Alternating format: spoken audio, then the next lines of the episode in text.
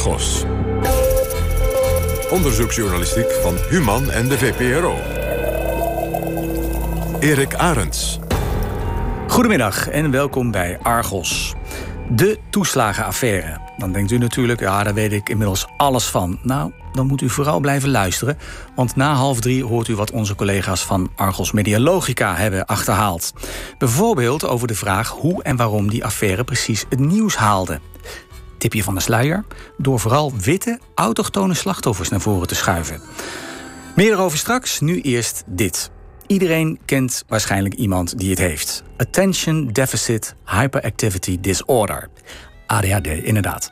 Steeds meer volwassenen krijgen deze diagnose. Bijvoorbeeld omdat ze last hebben van hyperactiviteit, van concentratieproblemen of van impulsiviteit. In dat geval kun je terecht bij ADHD Centraal. Een goedlopende en winstgevende kliniek met vestigingen door het hele land. Je wordt er snel geholpen. Binnen een dag weten cliënten of ze ADHD hebben. Maar kan dat eigenlijk wel, zo snel een diagnose stellen? En hoe weet het bedrijf zulke mooie winsten te behalen? Samen met collega's van onderzoeksplatform Investico gingen we op onderzoek uit. En dat leidde tot de volgende reportage van Sophie Blok. Je kreeg dingen niet af. Uh, ik was continu was ik in de weer. Maar ik kon mijn vinger er niet echt op leggen. Op de, op de ene manier zat er een bepaald soort onrust in me. En ik wist ook niet waar het vandaan kwam. En alsof je een soort van geagiteerd bent. Maar het is niet... Het, de gevoelens passen niet echt bij de emotie die je op dat moment hebt. Dit is Ralf. Een vrolijke, open jongen van in de dertig. Hij komt rustig over. Maar in zijn hoofd is het chaos. Het gaat eigenlijk alle kanten op. Als ik bijvoorbeeld zeg maar, nu hier loop, dan uh, heb ik allemaal indrukken. En eigenlijk iedere indruk geeft weer een gedachte. En daarop doe ik weer voortborduren. Dan gaan je gedachten, die dwalen eigenlijk, die gaan echt duizend kanten op. En dat, dat gaat zo snel ook in je hoofd. Maar dat is niet iets zeg maar, waar, waar ik op dat moment voor de diagnose uh, was gesteld... dat ik daar me er echt heel erg bewust van was dat dat niet normaal... of ja, niet normaal, maar dat veel andere mensen dat niet hebben. Die diagnose was dat Ralf ADHD heeft. Om daarachter te komen doorliep hij een diagnosedag bij ADHD Centraal. Hun Rotterdamse vestiging zit midden in het centrum, op het Wena. We spreken er af op een winderige dag. Um, ik ben daar gekomen zo rond oktober, november. Dat ik daar de intake had. En uh, dat ook de, de tests is geweest, uh, zijn geweest, zeg maar, met... Uh, wacht even. met de tests die, die zijn geweest. En waar dan is uit voortgekomen dat ik ADHD heb. Het expertisebureau voor ADHD bij volwassenen.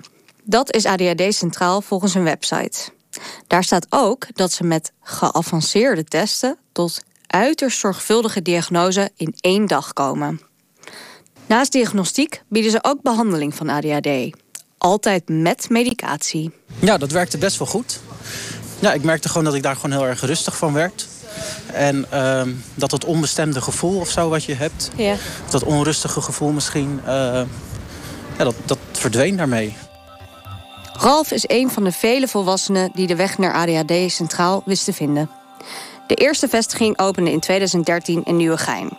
Acht jaar later zijn er acht vestigingen door heel Nederland. Met nog eens drie nieuwe locaties op de planning is er altijd wel een bureau in de buurt. En is ADHD Centraal een van de belangrijkste spelers in een groeiende markt. Ook financieel gaat het ADHD Centraal voor de wind. Het bedrijf is al vanaf de start winstgevend.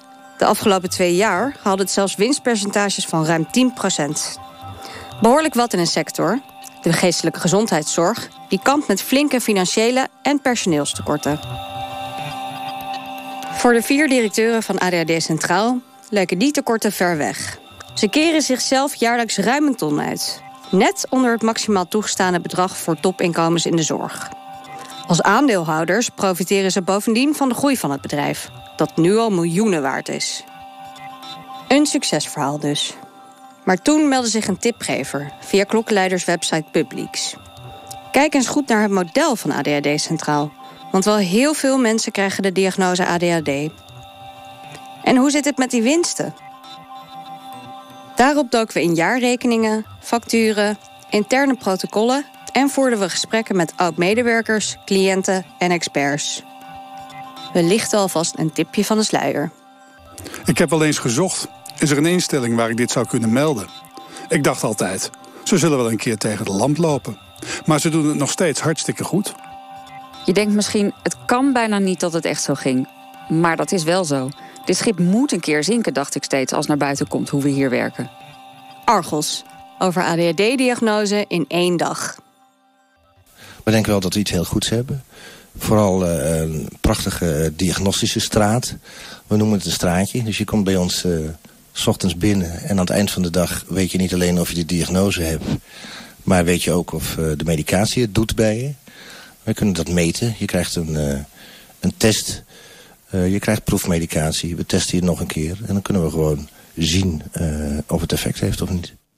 Een fragment uit de podcast Leven met ADHD van radio- en podcastmaker Patrick Kikke.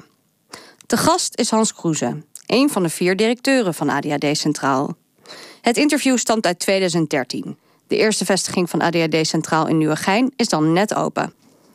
Het straatje waar Kroeze over praat, met diagnose in één dag, dat is het unique selling point van ADHD Centraal. Die snelheid past ook bij hun beoogde patiëntengroep, legt psychiater en mededirecteur Carl Wetstein uit in het RTL 4-programma Medical Travel. ADHD-patiënten die het komt op. Hè? Ze hebben het idee van ik wil dat laten onderzoeken. En eigenlijk willen ze dan meteen, ze bellen dan ook meteen en willen dan ook meteen een afspraak. En het liefst de volgende dag. En als we dat kunnen, doen we dat. Dat is een kwestie van organiseren. Het is een kwestie van patiënt centraal stellen. En vervolgens de um, professionals eromheen. En die professionals die plan je eromheen qua onderzoeken. Die professionals bestaan uit verpleegkundig specialisten, psychologen en psychiaters. Wij spraken er zeven, allemaal inmiddels niet meer werkzaam bij ADHD Centraal. Het overgrote deel had een vrijwel identiek verhaal en keek met gemengde gevoelens terug op het werk bij de instelling. Omdat ze nog steeds binnen de GGZ werken, noemen we geen namen. Hebben uiteraard ook ADHD Centraal benaderd voor een interview. Dat wezen ze af. Ze wilden alleen schriftelijk op specifieke vragen reageren. Bij ADHD Centraal is alles tot in de puntjes gestandaardiseerd. Cliënten krijgen van tevoren al een vragenlijst toegestuurd. Schaal van Connors. En het is een vierpunt uh, of een vierschaal. Uh... Dus wat kan je een vraag voorlezen? Uh, ik raak dingen kwijt die ik nodig heb voor taken of activiteiten zoals actielijstjes, pennen, boeken of gereedschappen. En dan kan je daarop antwoorden nooit, soms, vaak, bijna altijd. En wat had jij geantwoord? soms. Soms, oké. dus dat is niet een van jouw... Nee, dat was niet echt een van mijn dingen. Maar de dingen die zeg maar, voor mij eigenlijk bijna altijd zijn... heb ik toenertijd uh, ingevuld. Wanneer ik aan het werk ben, vind ik het moeilijk om mijn aandacht erbij te houden. Uh, ik ben snel afgeleid door dingen die ik hoor of zie. het lukt mij niet om dingen af te krijgen... tenzij er een absolute deadline bij is. Nou ja, ik hoor dat en dan denk ik, ja... ik heb dat ook wel eens. ja. Waar het bij mij gewoon heel erg aan lag... of waarvan ik vond van dat, dat vind ik gewoon niet oké... Okay. Ja is dat als je werk op een gegeven moment soort van eronder begint te lijden. Terwijl je hebt wel ergens een soort intrinsieke motivatie om het te doen, maar het komt er niet uit. De diagnosedag volgt een strak protocol, lezen we in het dagschema dat patiënten krijgen. Ralfsdag begint om kwart over acht. Ja, je komt daar dan binnen en dan word je onthaald uh, door de receptionist. In een best wel een mooie omgeving. Het is een beetje een soort van ja, een uh, soort, soort lounge-omgeving, zeg maar, waar je ja. terechtkomt uh, te allemaal lekker eten en drinken. Heel veel snoep en lekker drinken en je mocht uh, vrij pakken. Dus dat is ook nog eens een keer super relaxed. Een kwartier later, om half negen, volgt de intake met een verpleegkundig specialist. dan gaat ze wat dieper in op de formulieren die je hebt ingeleverd. En ze gaat wat meer in op je verleden, maar ook ja, eigenlijk zeg maar in het nu, hoe je met bepaalde dingen omgaat. Dus het is een beetje een verdiepend gesprek. In het uur dat voor de intake staat, behandelt de verpleegkundig specialist de biografie en levensloop van een patiënt, de medische geschiedenis, huidige klachten, middelengebruik, slaap en eetproblematiek. Dan is een uur heel krap, laten oud-medewerkers weten. Daarna had je uh, de DIVA. Dat was, hoe heet dat is de afkorting ook weer van? Uh, Diagnose, interview voor volwassenen met ADHD. Daar staat die DIVA voor. Ja, ja bijna goed. Het is het diagnostisch interview voor ADHD bij volwassenen. Uh, dat is met een psycholoog. Uh, en die gaat dan nog wat verder in zeg maar, op de, op de ik, ja, uh, pro, tussen haakjes problematiek met ADHD, zeg maar. Uh, hoe dat zich uh, heeft geuit bij je, of nu nog steeds misschien, en vroeger ook. En zijn dat open vragen of is dat weer zo met zo'n schaal? Nee, nee, het waren gewoon open vragen. Okay. En dan, dan, vraagt hij eigenlijk aan je... Het, het leken wel semi dezelfde vragen die zeg maar, daarvoor werden gesteld... Yeah. maar dan weer net in een soort ander sausje. Veel tijd om de diva af te nemen is er niet, vertellen oud-medewerkers. Normaal krijg je voor een diva 2, 2,5 uur. Wij hadden een uur om het onderzoek te doen, te scoren en het overleg. Bij makkelijkere cliënten ging het wel snel, maar bij complexere mensen niet zo. De diva moest in een uur. Dat is niet gebruikelijk. Officieel zou je er 2,5 tot 3 uur voor moeten hebben. We hebben dit ook meerdere keren aangegeven, maar er gebeurde niks mee. Het dagschema geeft inderdaad aan dat er 1 uur voor de diva staat. Om half elf is het namelijk tijd voor de QB-test. Dat is, lezen we op de website van ADHD Centraal, een objectief meetinstrument dat alle drie de kenmerken van ADHD kan meten: aandachtstekort, hyperactiviteit en impulsiviteit. De cliënten doen hem tweemaal. Eén keer zonder medicatie. En als er vermoeden is van ADHD, dan later op de dag nog een keer met medicatie. Ik moest ook nog een QB-test doen. Ja. Um, en dat is een, een, test achter de computer. Ja. En ja, je wordt achter de computer geplaatst en je krijgt een soort haarband krijg je op je hoofd met een soort puntje. Uh, of ja, een, puntje, soort een soort balletje zit ja. erop. Um, en dat refereert aan een soort stokje wat boven het scherm zit van je computer. Um, en dat registreert dan volgens mij dan de bewegingen van je, van je hoofd. 20 minuten lang. En dan in die 20 minuten dan heb je twee verschillende figuren in twee verschillende soorten kleurtjes. En je krijgt in je linker of rechterhand, uh, wat jouw voorkeur heeft, heb je een soort knopje wat je kan indrukken. Een soort, ja, soort muisachtig iets, maar dan uh, een beetje wat die weermannen en vrouwen ook zeg maar, hebben gebruikt. zo'n klikker. Beetje zo'n klikker inderdaad. en um, wanneer je hetzelfde figuurtje krijgt, dus een, een, een, rondje of een vierkantje, die krijg je dan in rood en in blauw. Uh, wanneer je twee keer dezelfde achter elkaar ziet, dan moet je klikken. En dat duurt dan 20 minuten lang. Samen met vragenlijsten en diepgaande gesprekken kan de QB-test helpen bij het constateren van ADHD-symptomen. Maar bij ADHD Centraal speelt het instrument een doorslaggevende rol bij de diagnosestelling. Die QB-test wordt als leidend genomen. Dat is niet de bedoeling. De klinische blik moet leidend zijn. Als de QB-test iets overhelde, dan werd er gezegd ADHD. Ik neem de ADHD-vragenlijst af en ik zie dan niet heel anders dan ADHD. Heel vaak waren er andere, logischer verklaringen. Trauma, autisme, iets in de jeugd waar mensen nog last van hadden. Maar de QB-test was dan leidend. Dan zeiden ze: Kijk, hij beweegt, dat moet wel ADHD zijn. Na de QB-test volgt intern overleg. De verpleegkundig specialist en de psychiater bespreken de uitkomsten van de eerdere testen. Op basis daarvan stelt de psychiater, die de cliënt dan nog niet heeft gezien of gesproken, een voorlopige diagnose. De psycholoog die de diva heeft afgenomen maakt geen onderdeel uit van het interne overleg. En dat kan frustraties opleveren. Ik zocht het dan zelf maar terug in het dossier, uit interesse, omdat ik wilde weten hoe het met iemand afgelopen was. Altijd stond dan weer die diagnose aangevinkt. En regelmatig klopte dat niet met wat ik had gezien en geadviseerd. Dat is heel frustrerend. Ik neem de diva af, maar het besluit wordt genomen zonder mij. Het klopt vaak niet met wat ik had gezien. Je ziet vaak iets anders dan ADHD. Of iets anders dat uitgesloten moet worden. Dat vreet aan je. Heel erg zelfs. De cliënt, die sprak je eigenlijk verder niet. Dan maar opzoeken, wat heeft hij ervan gemaakt? Wat is het geworden? Dat was het. Inbreng van een psycholoog of niet? Na 3,5 uur ligt die voorlopige diagnose er. Aan de psychiater de taak om die mee te delen. En die doet dan een soort van een conclusie maken voor je? Of over je? op basis van die gesprekken. Was die psychiater er ook zelf? Nee, uh, in tegenstelling tot de andere uh, twee personen, ja drie personen uh, met de receptionist meegerekend dan, was de psychiater zelf niet aanwezig. Dat ging via Zoom of via zo'n Google-verbinding, wat is het? Het grote moment is daar. Heb ik ADHD of niet? Nou, toen ging hij vertellen, bij mij in ieder geval, dat die diagnose door hem of door zijn medewerkers mede daardoor de diagnose ADHD bij mij kon worden gesteld. Was dat een heel lang, uh, diep gesprek met die psychiater? Nou, het was echt meer dat hij soort van de uitkomsten soort van vertelde. En dan nog een paar vraagjes stelde. Maar het was niet echt dat ik dacht...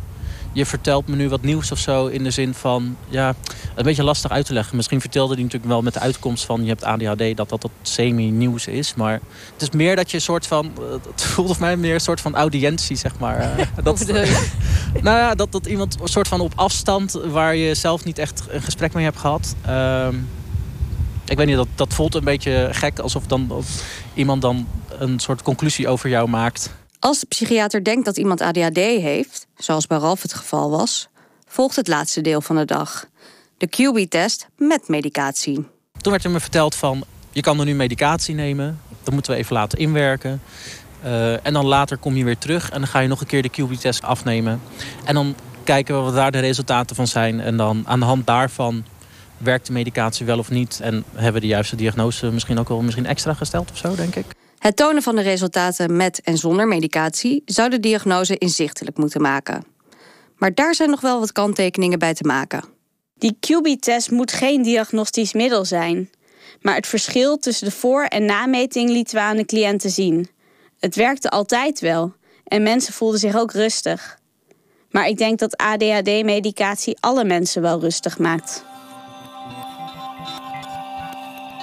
ADHD Centraal bedient een duidelijke vraag. Vroeger stond ADHD bekend als kinderziekte. Nu krijgen ook veel volwassenen de diagnose. Peter Vonk is huisarts in Amsterdam. Ziet hij veel mensen die denken ADHD te hebben? Nou, het korte antwoord op die vraag is ja. We krijgen heel veel mensen die verzoek doen voor een doorverwijzing om zich te laten onderzoeken op ADHD. Wat altijd een beetje vervelend is voor de huisarts, want dan zijn de wegen naar andere oplossingen al bijna afgesloten.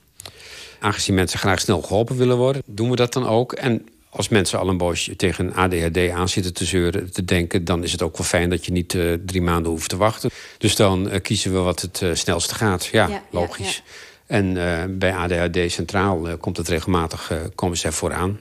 En als ze daar dan terechtkomen. Dus wij verwijzen dan, dat gaat via het elektronische snelweg. Dan krijgen ze een verwijsbrief, dan kunnen ze daar naartoe. En dan, nou dat is op zich ook nog wel opmerkelijk... als we mensen naar het ziekenhuis sturen met pijn in de buik... we denken aan een blinde darmontsteking, noem eens wat... dan uh, zegt de specialist regelmatig van... nou dokter, dit was geen blinde darmontsteking, dit was heel iets anders... dus we gaan niet die buik opensnijden. Maar als we mensen verwijzen naar ADHD centraal met de vraag: zijn er concentratiestoornissen en past dat bij een ziekte, ADHD? Want let wel, dat is een psychiatrische diagnose. Het is niet, ik kan me niet even niet concentreren. Nee, ADHD is een ziekte waar ook een psychiater iets over moet zeggen. Dus het is geen klein bier die dan vervolgens aan iemand kleeft. Uh, en daar kom je ook niet makkelijk van af. Uh, komt ook in je dossier. Uh, dat moet ook omdat medicijnen aan je dossier gekoppeld zijn. Maar dan is het bij ADHD Centraal altijd zo dat je ook medicijnen krijgt. ADHD Centraal behandelt inderdaad altijd met medicatie. Op hun website staat daarover... We krijgen regelmatig de vraag of het niet zonder medicatie kan. Wij vinden van niet. Behandeling met medicatie is zeer effectief. Volgens Floortje Schepers, hoogleraar innovatie in de GGZ, is het een omgekeerde redenering. Er is een hele grote groep mensen die geen ADHD heeft, maar prima uh, uh, functioneert op methylfenidaat, omdat ze daarmee zich langer kunnen concentreren. Dus het zijn middelen die geen bewijs zijn dat je ADHD hebt als je er baat bij hebt. Ook daar keren we het heel vaak om. Hè? Dan zeggen we, kijk, ja, ik heb problemen en dan slik ik bepaalde medicijnen, worden die problemen minder. Dus het, dat is een bewijs dat die problemen inderdaad een, een stoornis of een ziekte zijn.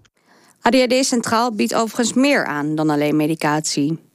Mensen met een diagnose hebben de keuze tussen niets doen, medicatie nemen of medicatie nemen in combinatie met een traject van cognitieve gedragstherapie. Ralf koos voor het laatste. Aan het einde van de dag dan, en ze heeft dan die, die test laten zien met medicatie, zonder medicatie, dan wordt je eigenlijk de vraag gesteld: ja, we gaan dan nu medicatie met je afstemmen. Uh, en daarnaast kun je dan eventueel ook nog een soort traject doorlopen met uh, cognitieve gedragstherapie. Waarbij ze je soort van kunnen helpen of ondersteunen in je dagelijkse functioneren. Of hoe kun je beter functioneren met ADHD. Ja. En eventueel medicatie natuurlijk. En wat voor dingen moet ik dan aan denken? Nou, er is wel één methode die, die mij in ieder geval heel erg geholpen heeft. En dat is de stop, doen, denken, evalueren. Ja. Stop, doen, Wacht, denken, nee, evalueren? Stop, denken, doen, evalueren. Oké. Ja. Ehm, het heeft meer te maken met impulsiviteit. Ik kan nogal heel erg impulsief zijn met, met inkopen. Eh, dan zie ik ergens wat leuks en dan wil ik dat meteen kopen. En dan moet ik met deze methode moet je zelf even tot halt roepen, halt stop. En dan eh, moet je even nadenken van, goh, eh, heb ik dit nodig? Wil ik dit wel? Heb ik er geld voor? Eh, een beetje zoiets. En dan ga je naar de volgende handeling en dat is doen. Ja. Dus of je doet het wel of je doet het niet. Hè, want het ligt aan wat de uitkomst is. En dan daarna eventueel evalueren van... mocht het dus haakjes mis zijn gegaan, wat is er dan misgegaan? Eh, wat kun je voor jezelf dan de volgende keer misschien beter doen daarin? Alleen therapie zonder medicatie is bij ADHD Centraal dus geen optie. Een psycholoog die er werkte legt het zo uit. Bij ADHD Centraal is de voorwaarde voor cognitieve gedragstherapie dat iemand medicatie moet gebruiken. De redenatie was: anders ben je minder ontvankelijk voor behandeling, waardoor het hoofd te druk was, waardoor behandeling niet goed zou aanslaan. Destijds leek dat wel logisch. Nu kijk ik daar iets anders naar. Het heeft een iets wat dwingend karakter. Je mag je best afvragen of het oké is om mensen zo aan te zetten om medicatie te gebruiken. Steeds meer volwassenen gebruiken ADHD-medicatie, zien we in cijfers van het CBS. Sinds 2013 nam het aantal mensen tussen de 25 en 35 jaar dat ADHD-medicijnen gebruikt met maar liefst 74% toe. Ook in alle andere leeftijdsklassen boven de 18 is een flinke stijging te zien.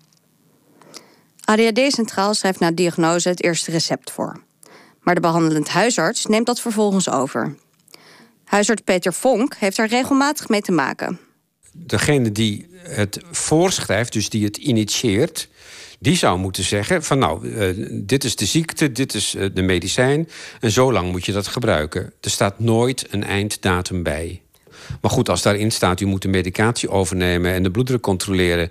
en er staat niet bij hoe lang dat dan moet... nou, dan is dat dus een interessante kwestie... die dan nog weer met de patiënt en met de huisdokter besproken wordt... van ja, hoe lang wil je dit gebruiken? Die vraag krijgt Ralf ook wel eens. Ja, dus er is wel gevraagd, maar dat was meer vanuit een vriend. eh, van, ga je het nog lang gebruiken? Wil je het nog lang gebruiken? Zoals ik het nu zie, dan denk ik... zolang ik werk en studeer of ga studeren...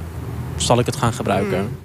Huisarts Peter Vonk legt uit dat die medicijnen niet zonder risico zijn. Nou, het kan een effect hebben op je hart- en vaatstelsel. Mensen kunnen er een hoge bloeddruk van krijgen. Mensen zeggen ook dat hun emoties afvlakken. Dat is ook een reden voor veel mensen om daar na verloop van tijd ook weer mee te stoppen. Je kunt er slaapproblemen van krijgen. Het is namelijk opwekkend. Het kan je eetlust beïnvloeden. Mensen kunnen daar eh, eetlust van verliezen, maar ook extra eetlust krijgen. Kunnen gewichtproblemen ontstaan. Allemaal dingen waarvan je denkt, ja, wil je, wil je dat nou? Het is niet dodelijk, maar het is wel allemaal iets wat je dagelijkse leven kan beïnvloeden. Ja. Je kunt je ook bij dit soort medicijnen, zeker op de lange termijn, bij volwassenen hè, eh, heb ik het over, eh, vraagtekens zetten bij eh, of dit nog wel een goed idee is. Ook Ralf had last van bijwerkingen. De bijwerkingen waren best wel hoog eh, of groot, eh, veel. Hele erge droge mond, eh, overmatig transpireren. Gewoon als- alsof je iets neemt dat je denkt van... nou, ik weet niet of dit helemaal lekker zit. Gelukkig biedt ADHD Centraal ook begeleiding aan, zodat de medicatie goed kan worden afgestemd. Een van Ralfs behandelaren hielp hem overstappen op een ander middel.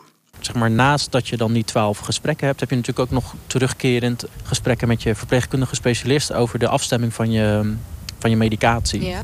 En toen zei hij van ja, dat, dat vind ik best wel een heel erg probleem voor je. Misschien kunnen we dan overstappen in plaats van methylfenidaat naar eh dexamfetamine. Dat was ook weer van een andere aanbieder. Niet iedereen die bij ADHD Centraal komt krijgt de diagnose, maar het zijn er flink wat. Zo'n 5 op de 6 cliënten krijgen die. ADHD Centraal laat in een reactie weten dat dit hoge cijfer te verklaren is doordat de verwijzingen van hoge kwaliteit zijn. Huisartsen en praktijkondersteuners GGZ maken op basis van hun observaties een goede inschatting of een verwijzing voor diagnostiek naar ADHD gerechtvaardigd is. Maar meerdere oud-medewerkers gaven aan het gevoel te hebben dat er naar een ADHD-diagnose toe werd gewerkt. Hier werd er zoveel mogelijk ADHD vastgesteld, tenzij het echt, echt, echt heel duidelijk iets anders was.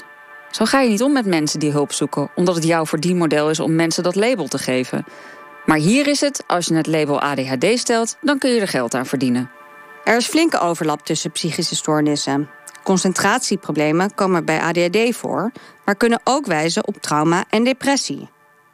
Hetzelfde geldt voor impulsief gedrag. Dat zie je ook bij mensen met borderline of manie. De GGZ-standaard voor ADHD bij volwassenen schrijft voor dat daar bij diagnosestelling rekening mee moet worden gehouden. Is het ADHD of misschien iets anders? Directeur Kroeze zegt daar in de podcast van Patrick Kikke het volgende over. Uh, goede diagnostiek bij ADHD begint bij het uitsluiten van andere psychiatrische stoornissen. Nou, zoals manische depressiviteit bijvoorbeeld. Um, zoals een borderline persoonlijkheidsstoornis. Zoals uh, angststoornissen. Zoals PTSS-klachten. Zoals uh, verslavingsgedrag. Er is heel veel gedrag wat lijkt op, op ADHD. En dus moet je eerst onderzoeken of, um, of je dezezelfde onrust, de slechte concentratie, de impulsiviteit, of je dat ADHD mag noemen. Er mag geen betere verklaring zijn voor. Hè. Er, er moet niet een andere, een andere psychiatrische stoornis zijn. Maar juist dit belangrijke onderdeel raakt nog wel eens ondergesneeuwd in de strak geplande diagnosedag. Tijdens de DIVA kwamen andere dingen naar voren, zoals een traumatisch verleden. Je merkte dan dat dat werd gemist. Dan zei je: Ik heb het gevoel dat er PTSS, angst of depressie onder zit. En dan vroegen ze: Waarom denk je dat? En daar waren zij dan niet van op de hoogte of zo.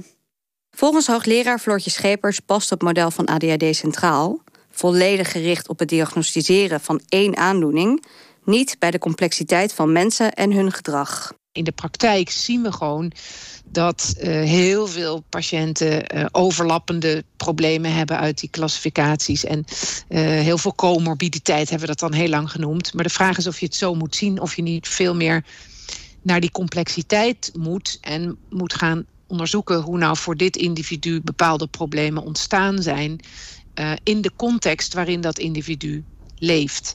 Nou, en als je dat heel erg plat blijft slaan in die, in die stoornissen en dus een beetje jezelf blind maakt voor die complexiteit en ook voor de context waarin mensen problemen ontwikkelen, dan ga je simpele oplossingen uh, aandragen die niet effectief zullen zijn. Ja, en dat is denk ik het grote gevaar als je een organisatie optuigt rondom één probleem, één specifiek probleem, ja, hoe ga je dan nog checken of er misschien toch ook sprake is van andere problemen? En hoe ga je dan ook het, de complexiteit van het ontstaan van die problemen aanvliegen? Dat, uh, dat wordt dan eigenlijk heel erg moeilijk. Maar op die mogelijke complexiteit is de behandeling bij ADHD centraal niet gericht. Alles staat in het teken van omgaan met ADHD. Ik heb wel eens cliënten gehad waarvan ik op dat moment geen alternatieve diagnose wist, maar waarvan ik dacht: moi, meer persoonlijkheidsproblematiek. Maar ja, zo iemand heeft de diagnose al. Daar kun je in die sessies dan niets meer mee. Ik probeerde met cliënten te blijven onderzoeken waar iemand tegenaan liep en daaraan te werken. Het is niet te doen. Als psycholoog geef je mensen therapie voor iets waarvan je eerder al hebt vastgesteld dat ze het niet hebben. Ik ben vooral weggegaan om de diagnoses die zo vaak werden gesteld. Als psycholoog krijg je die mensen terug in behandeling. En dan moet je iets gaan behandelen waarvan je tijdens de diva al had gezien dat ze het niet hebben. Dat is niet te doen. Dan ging ik andere dingen doen, maar dat mocht eigenlijk niet. Het is een soort standaardpakket gericht op ADHD, agendabeheer, planning. Maar als iemand een paniekstoornis heeft, schiet je daar niets mee op. Ook andere oud-medewerkers vertellen hoe er naar een ADHD-diagnose toe wordt geredeneerd. Als de QB-test het niet liet zien, dan zou de patiënt in een hyperfocus zitten en dus toch wel ADHD hebben. Als er heel intelligente cliënten kwamen, dan konden ze ook zeggen: er zijn weliswaar weinig symptomen uit de kindertijd, maar dat heeft hij waarschijnlijk gemaskeerd door intelligentie. Het werd zo gedraaid dat het toch ADHD was. Zoals gezegd gaat het ADHD Centraal financieel voor de wind. Hun winstmarge lag de afgelopen twee jaar op ruim 10% Is dat normaal voor een GGZ-instelling? We vragen het hoogleraar gezondheidseconomie aan de Maastricht University, Wim Groot. Ja, dat is aan de hoge kant. Ik, eh, gemiddeld genomen uh, binnen de GGZ is de winstmarge zo rond de 1, 2 procent van de omzet. Mm uh, dus 10 procent is aan de hoge kant. aan de andere kant, ehm, ik ken ook wel instellingen die winstmarges hebben van die rond de 40, 50 procent zitten. Bij de topgrootverdieners in de GGZ zit ADHD centraal dus niet. Maar met 10% winst scoren ze wel een stuk hoger dan de gemiddelde instelling. Dat een bedrijf als ADHD Centraal zulke winstmarges kan draaien, is mede mogelijk door de ruime regelgeving van de Nederlandse Zorgautoriteit, de NZA. Zij gaan over de tarieven. En je ziet vaak eh, dat um, die, die uh, GGZ-instellingen die geen contract hebben, gewoon de maximumtarieven rekenen die de NZA voorschrijft. Bij gecontracteerde instellingen daar wordt vaak een tarief afgesproken dat beneden het maximumtarief ligt. Maar als ze geen contract hebben, kunnen ze gewoon het maximumtarief rekenen. en dat betekent ook dat je gewoon meer, meer omzet en meer winst kan maken. Dus voor, voor die instellingen zit er vaak wel een voordeel aan om, om geen contract af te sluiten met een zorgverzekeraar. Die tarieven die zijn opgebouwd uit, een, verwachte kosten. En die kosten zijn gebaseerd op de inzet uh, van bijvoorbeeld hooggekwalificeerd personeel. En wat je ziet um, bij die uh, niet gecontracteerde instellingen is dat veel van het werk uh, wordt gedaan door lager geschoolde therapeuten. dat zijn mensen met alleen een masteropleiding psychologie. Um, en die uh, ja, vaak tegen een lager salaris uh, veel van het therapeutische werk uh, doen. Daardoor zijn die kosten relatief laag. Ja. En als je dan de maximumtarieven rekent, ja, dan hou je flink wat over. En dan kan je een flinke winst maken. Deze trucjes lijkt ADHD Centraal ook te kennen. Ze hebben geen contract met een zorgverzekeraar en kunnen dus de maximumtarieven rekenen. En van alle oud-medewerkers die wij spraken, die als psycholoog werkten, was het een van hun eerste banen. Ze werken veel met net afgestudeerde psychologen. Daar drijven ze ook op. Ze betalen ons goed, maar natuurlijk veel minder dan wanneer je er een paar psychiaters moet neerzetten. We bekeken ook facturen van cliënten om meer inzicht te krijgen op de manier waarop ADHD Centraal declareert bij zorgverzekeraars. Al die facturen bleken extreem gestandardiseerd. En dat lijkt een bewuste strategie als we afgaan op een intern protocol. Hierin staat precies hoeveel minuten hun werknemers per cliënt en per behandeling mogen registreren. En dat kan grote gevolgen hebben voor het bedrag dat verzekeraars uitkeren, vertelt Wim Groot. De eh, vergoeding voor de GGZ is gebaseerd op uh, diagnose-behandelcombinaties. Uh, dus als je, je huisarts je doorverwijst met een ADHD-stoornis naar een GZ-psycholoog, dan um, doet zo'n GZ-psycholoog een intakegesprek met je. En dan um, beoordeelt uh, uh, die GZ-psycholoog ja, hoe omvangrijk de therapie zou moeten zijn. Groot legt uit dat er verschillende klassen zijn. In de klasse tot 800 minuten krijgt de zorgaanbieder 1439 euro. In de klasse tot 1800 minuten 2780 euro. En in de klasse tot 3000 minuten 4962 euro. Zo kan één minuut extra werk ruim 1300 euro opleveren. En het lijkt erop dat ADHD Centraal hun standaard hierop afstemt. Op de facturen zitten ze steeds net boven die 800 of 1800 minuten. En die minuten matchen precies met het aantal therapiesessies dat een cliënt volgens ADHD Centraal nodig heeft. Niet meer en niet minder. En dat is geen toeval, horen we van de oud-medewerkers. Dit was zo ingericht om precies op het aantal minuten te blijven. Toen een cliënt een keer meer sessies nodig had, kreeg ik die echt niet. Ik kreeg dan te horen: niet stoppen als je er net onder zit, want dan werken we voor niks. Net wat minuten meer om dat hogere bedrag te pakken. Het is een beproefde methode in de zorg, legt Wim Groot uit. Ja, dat zie je met die DBC's, dat die strategisch gebruikt worden. Uh, dus net boven die grens gaan, zodat je een hoger, in een hogere tariefklasse valt en dus meer in rekening kan brengen. Overigens zie je dat niet alleen bij de GGZ, maar je ziet dat ook wel bij ziekenhuizen gebeuren. er zijn hele bureaus die zorginstellingen helpen met het wat ze noemen optimaliseren uh, van hun DBC-tariefstructuur. Die uitleggen aan behandelaars wat de handigste en de, en de meest voordelige DBC-klasse is. De DBC-klasses die het meeste geld opleveren. Dus dat, daar wordt heel strategisch eh, door zorginstellingen vaak mee, uh, mee omgegaan. Niet alleen de GGZ, maar ook daarbuiten. Dat optimaliseren leidt ertoe dat zorgverzekeraars meer geld uitkeren. En dat terwijl er grote tekorten zijn in de zorg. Maar een oplossing is niet zo makkelijk, omdat we in Nederland zelf onze arts willen kiezen, vertelt Wim Groot. Een van de manieren om uh, ja, die hoge winsten in de zorg terug te dringen, is bijvoorbeeld om uh, de vergoeding voor niet gecontracteerde zorg om die te verlagen. Dat is iets wat uh, deze minister van Volksgezondheid, Hugo de Jonge, wel graag wilde. Aan die zorgcowboys, wat hij noemde doorgeschoten marktwerking, wilde hij wel een eind maken. En de manier om dat te doen was wel om die, uh, die vergoeding voor niet gecontracteerde zorg omlaag te brengen. Daar had hij ook wel plannen voor. Maar dat is toch door verzet van met name uh, mensen die vinden dat dit een aantasting is hè, van de vrije artsenkeuze. Is de aanpassing van die wet in een diepe bureaula uh, terechtgekomen. Dan zijn er mensen die zeggen, ja, dat tast de vrijheid van artsenkeuze aan. Dat betekent dus dat mensen niet meer vrij zijn om zelf hun GZ-behandelaar uh, of GZ-instelling of, of, een arts in een ziekenhuis uh, te kiezen. Ja. En ja, als je dat roept, dan worden politici heel erg bang. Ja. Uh, en als ze dan plannen, die, die, plannen die Hugo de Jonge had, die zijn daardoor ook ja, heel snel in de ijskast verdwenen. Terug naar ADHD Centraal. Daar gebruiken ze niet alleen heel slim de gestandaardiseerde tarieven, maar declareren ze ook minuten die niet zijn gewerkt. Althans, dat zeggen oud-medewerkers. Voor het afnemen van een ADHD-vragenlijst stonden 70 minuten in het systeem, maar je kreeg er in werkelijkheid maar 60. Ook bij de therapiesessies werden minuten toegevoegd. Volgens de administratie was er 15 minuten om een verslag te schrijven. Maar die tijd kregen de psychologen die wij spraken meestal niet. Er stond meteen een volgende patiënt klaar. Dat er iets niet klopt, blijkt ook uit een andere rekensom. Op papier besteedt een verpleegkundig specialist tijdens de diagnostiekdag 460 minuten, ruim 7,5 uur, aan één patiënt. Maar in werkelijkheid hebben deze specialisten altijd twee patiënten onder hun hoede, vertellen ze.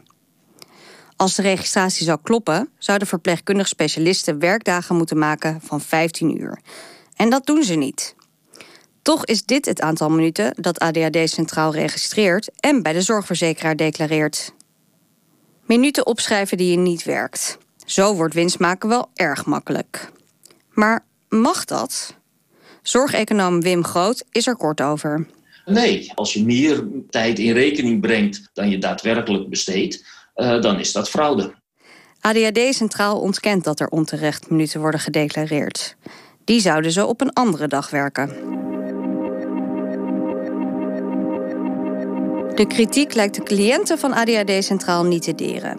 Het bedrijf krijgt een 9,3 uit online reviews. Ze prijzen de betrokken werknemers, de snelle diagnostiek en de chique lunch. Maar misschien wel het belangrijkste, ze krijgen erkenning en een oplossing voor hun problemen. En dat lucht op. Hoogleraar Floortje Schepers begrijpt wel waarom. De samenleving zit wel zo in elkaar op het moment dat als je tegen dit soort wat diffuse atypische problemen aanloopt. Hè? Ik kan me slecht concentreren en kan slecht overzicht houden. Ik ben slecht in plannen. En, uh, nou ja, die klachten die bij ADHD zouden kunnen horen. Uh, dan hebben mensen daar weinig begrip voor. Dan krijg je weinig erkenning voor. Als dat niet een soort verklaringsmodel uh, heeft. Hè? Dus, dus mensen zijn gewoon eigenlijk uit op begrip en erkenning. Van, goh, ik vind dit moeilijk. Hè? zoals bij wijze van spreken er kinderen in een klas zitten of volwassenen zijn die uh, creatief zijn en anderen helemaal niet. En sommigen zijn heel sociaal en anderen helemaal niet.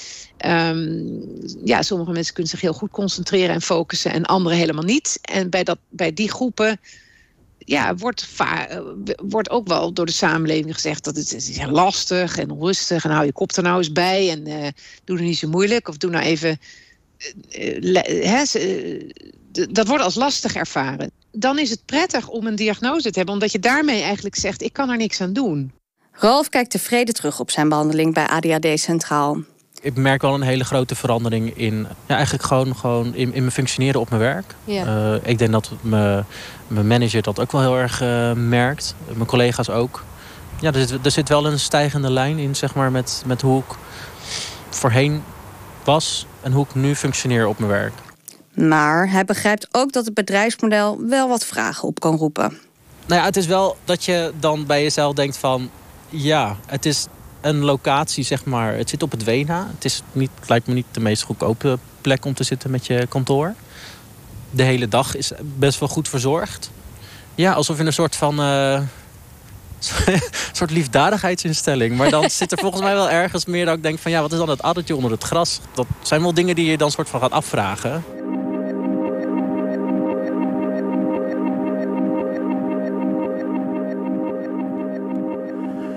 En tot zover deze reportage van Sophie Blok, die ze maakte in samenwerking met Investico-redacteuren Anouk Kootstra en Belia Heilbron. De eindredactie was in handen van Harry Lensink, techniek Alfred Koster. En wilt u meer weten over de manier waarop ADHD centraal werkt? Kijk dan op onze website argosonderzoekt.nl.